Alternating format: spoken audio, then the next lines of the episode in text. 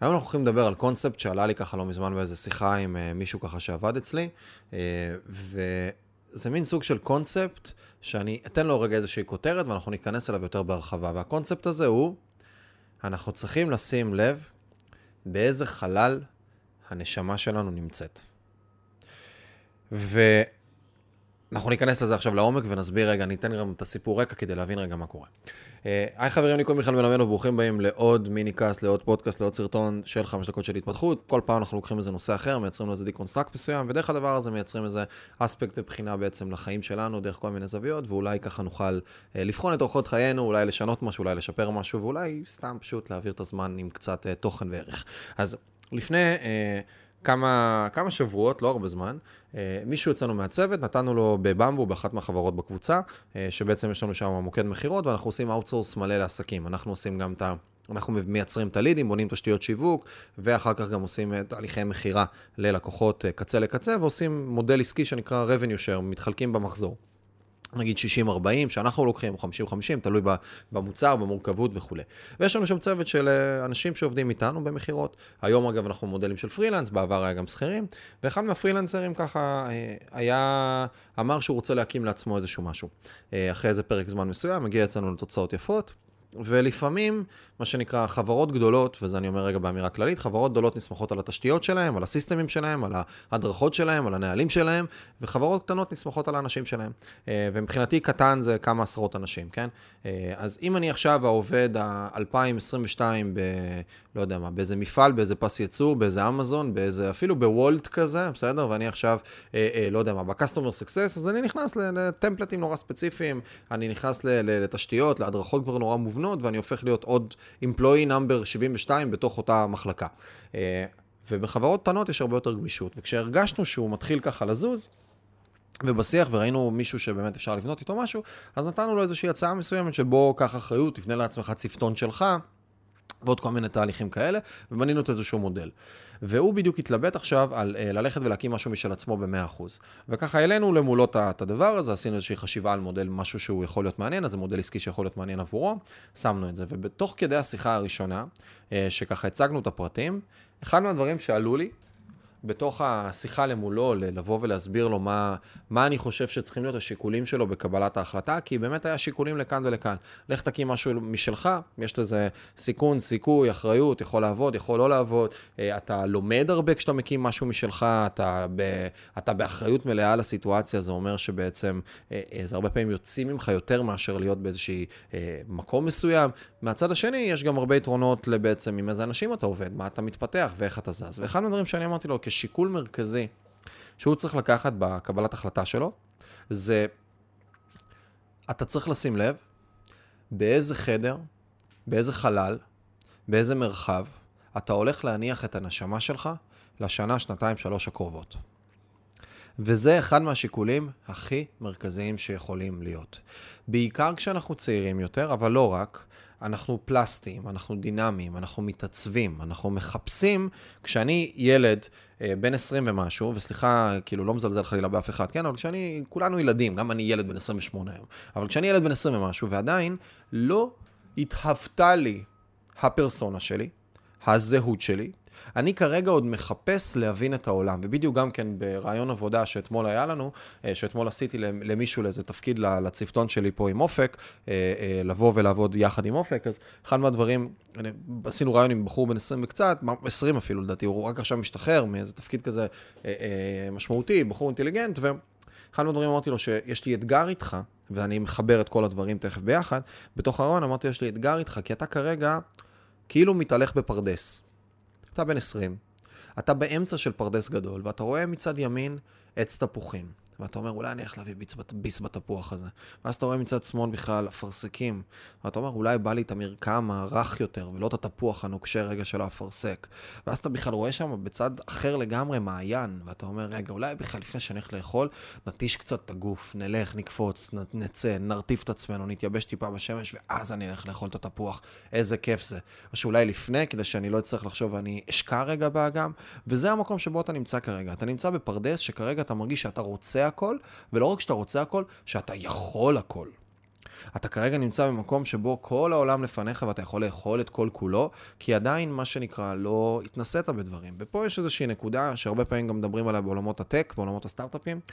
הרבה יותר קל לפעמים לגייס כסף עם מצגת, רעיון, עם קונספט רלוונטי, שלרעיון יש ולידיות מסוימת, ועם צוות טוב, מבלי שהגענו ללקוחות ומבלי שדיברנו עם אף אחד, מבלי שבכלל התנסינו בלהוכיח את התזה. אני בא בעצם עם היפותזה, והיא עדיין לא תזה מובנית, מאשר להגיע עם, לסיטואציה שבה... אני מחפש כבר להגיע עם מספרים, בסדר? שכבר, הנה, תראו, זה המספרים שלי. כי למכור חלום, החלום הרבה פעמים יכול להיות הרבה יותר גדול מאשר המציאות. וכשאני בא לגייס אחר כך בשלבים יותר מאוחרים כבר על בסיס מטריקות עסקיות וביצועים שעשיתי, פתאום הרבה פעמים החלום היה הרבה יותר גדול. וגם בחיים שלנו, הרבה פעמים כשאנחנו מתחילים את החיים שלנו, אנחנו נמצאים בתוך פרדס, הכל אני יכול בחופש הגדול, ולא רק בחופש הגדול, ואני יכול לעשות הכל, ופתאום אני מתחיל, כשאני מתחיל ללכת, אני מתחיל להבין מה הגבולות גזרה, אני מבין שאני חי בעולם של אלטרנטיבות, אני מבין שבסופו של דבר יש גם כל מיני דברים פרגמטיים שאני צריך להתחיל לבנות עם עצמי. ובתור ילד צעיר, בסדר? בן אדם צעיר, שעדיין לא התחיל לחרוש את הפרדס, אלא הוא עדיין נמצא באמצע שלו, ואני לוקח את זה חזרה לאנלוגיה הראשונית של אותו בחור שככה דיברנו איתו מתוך הצוות אצלנו בבמבו. אמרתי לו, תקשיב, אתה עוד כרגע שנה וקצת באזרחות, באזורים האלה, שנה פחות או יותר, אתה עוד לא חווי... אתה כרגע פלסטי נורא, ואתה בונה את ה-DNA הבסיסי הראשוני שלך. אתה כרגע נמצא במקום שהחדרים שאתה תימצא בהם ייצרו לך שכבות והתנהגויות ודפוסים מסוימים. שיכולים להיות איתך שנים, ויכולים לשרת אותך ארגזים של זמן. ואתה צריך להיות נורא זהיר בידי איזה אנשים אתה מפקיד את הנשמה הזאת שלך, ואת הדפוסים שלך, ואת ההתנהגויות שלך, ואת הבניית זהות הזאת שלך. כי בשלבים האלה אנחנו עוברים בעצם ממצב שאנחנו בחסות ההורים שלנו, או בחסות מערכת, בסדר? מסוימת. כולנו הרי בסוף, בהתחלה, אנחנו בעצם, במיוחד היום, לוקח הרבה זמן עד שאנחנו בעצם הופכים להיות עצמאים באמת. שאנחנו מתחילים לקלקל את עצמנו, שאנחנו לא נתמכים על ידי ההורים. זה שלב מסוים של התבגרות שהוא מאוד מאוד משמעותי בבניית הזהות, הפרסונה שלנו, איך אנחנו מתהלכים בעולם, מי אני ומה אני. וכשאנחנו עוברים את השלב הזה, יש משמעות נורא גדולה למה הדפוסים שאני מדביק לעצמי. איזה התנהגויות, את מי אני ממדל. כי בין אם אנחנו רוצים או אנחנו לא רוצים, אנחנו בני אדם, ובני אדם זאת חיה שמעתיקה את האנשים שנמצאים סביבה. וכשאנחנו הולכים ואנחנו מקבלים החלטות, של להיכנס לכל מיני מקומות, אחד מהדברים הכי מהותיים שאנחנו צריכים לשאול את עצמנו, זה בידי איזו מערכת ואיזה אנשים אני מפקיד את הנשמה שלי. כי גם אם אני לא ארצה, אני אדבק בהתנהלויות ובהתנהגויות ובדפוסים ובערכים ובגישות ובתפיסות עולם של האנשים שנמצאים סביבי ושל המערכת שנמצאת סביבי. ואותו בן אדם ספציפי, אני הרגשתי שהוא, אה, אה, האנשים שהוא הולך לעשות איתם את הדברים בעסק העצמאי שלו, תחושה, אגב, אני לא יודע, יכול להיות שטעיתי, הם אנשים שהולכים לגרום לנשמה שלו, הולכים לגרום לאישיות שלו, לפרסונה שלו, להתעצב בערכים ובהתנהגויות ובדפוסים שהם לא יהיו לו נכונים, ושהם יגרמו לו אחר כך לחיות בתהליך נורא ארוך של פירוק של הדבר הזה. כי לפרק זהות שהתהוותה לנו, בוא נגיד בין גיל 18 לגיל 30 ומשהו, 30 באזורים האלה, נורא, נורא, נורא, נורא קשה. ונורא מאתגר, כי אנחנו כבר באזורים האלה, המוח שלנו הוא מוח שהוא עצלן קוגנטיבית. המוח תמיד יעדיף לא להשתמש באנרגיה חדשה כדי לחשוב על איך לעשות משהו. הוא תמיד יעדיף ללכת להרגל או לדפוס שאנחנו כבר מכירים. וזאת אחת מהבעיות הכי גדולות וגם הטובות הכי גדולות, כן? ברמת, זה לא בדיוק הרגל, אבל אף אחד מאיתנו לא צריך לזכור לנשום, נכון? ואז אנחנו לא משקיעים מאמץ. תדמיינו עכשיו שכשהיינו היינו כל, כל היום צריכים לחשוב, אוקיי, עכשיו אני אנשוף, עכשיו, ועכשיו אני אשאף, עכשיו אני אנשוף, ועכשיו אני אשאף, עכשיו אני אנשוף, ועכשיו אני אשאף. היה לנו מאוד קשה לעשות דברים אחרים. ולכן המוח שלנו מגיע למצב שהוא לוקח את, ה, את הנשימות שלנו, והוא מכניס אותם לתדר, לאנרגיה, למקום של, של התנהגות שהיא לא נשלטת, אני לא צריך את המוח המודע שלי כדי לגרום לה לקרות.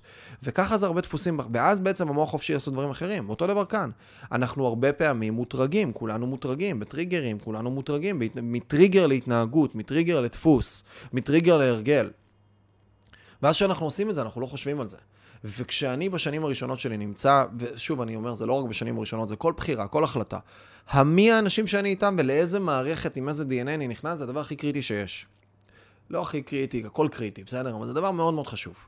מאוד מאוד חשוב, כי אני פשוט הולך לקחת את מי שאני, בבסיס שלו, ולהתחיל להרכיב עליו דברים שאני אמדל ואני אראה מהסביבה שנמצאת סביבי. וזה סופר מהותי להיות מודע לזה. אז בסוף, אגב, הוא בחר כן לצאת לדרך שלו.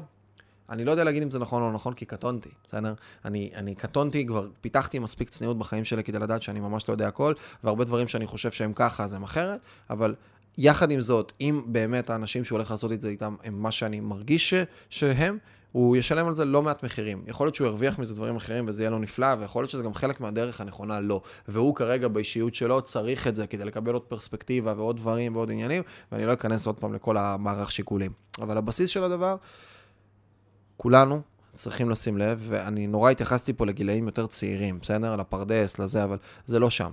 תסתכלו בכללי, באופן, באופן כללי, כל גיל אני רוצה לבוא ולבחון את החלל שהנשמה שלי נמצאת בו. זה לא רק מה אני עושה, הרבה פעמים אנחנו מסתכלים על מה אני עושה, מה התפקיד. בסדר, מה התפקיד? או מה יוצא לי ממנו, מה, מה היכולות שיצאו לי ממנו, מה הכסף שאני אקבל.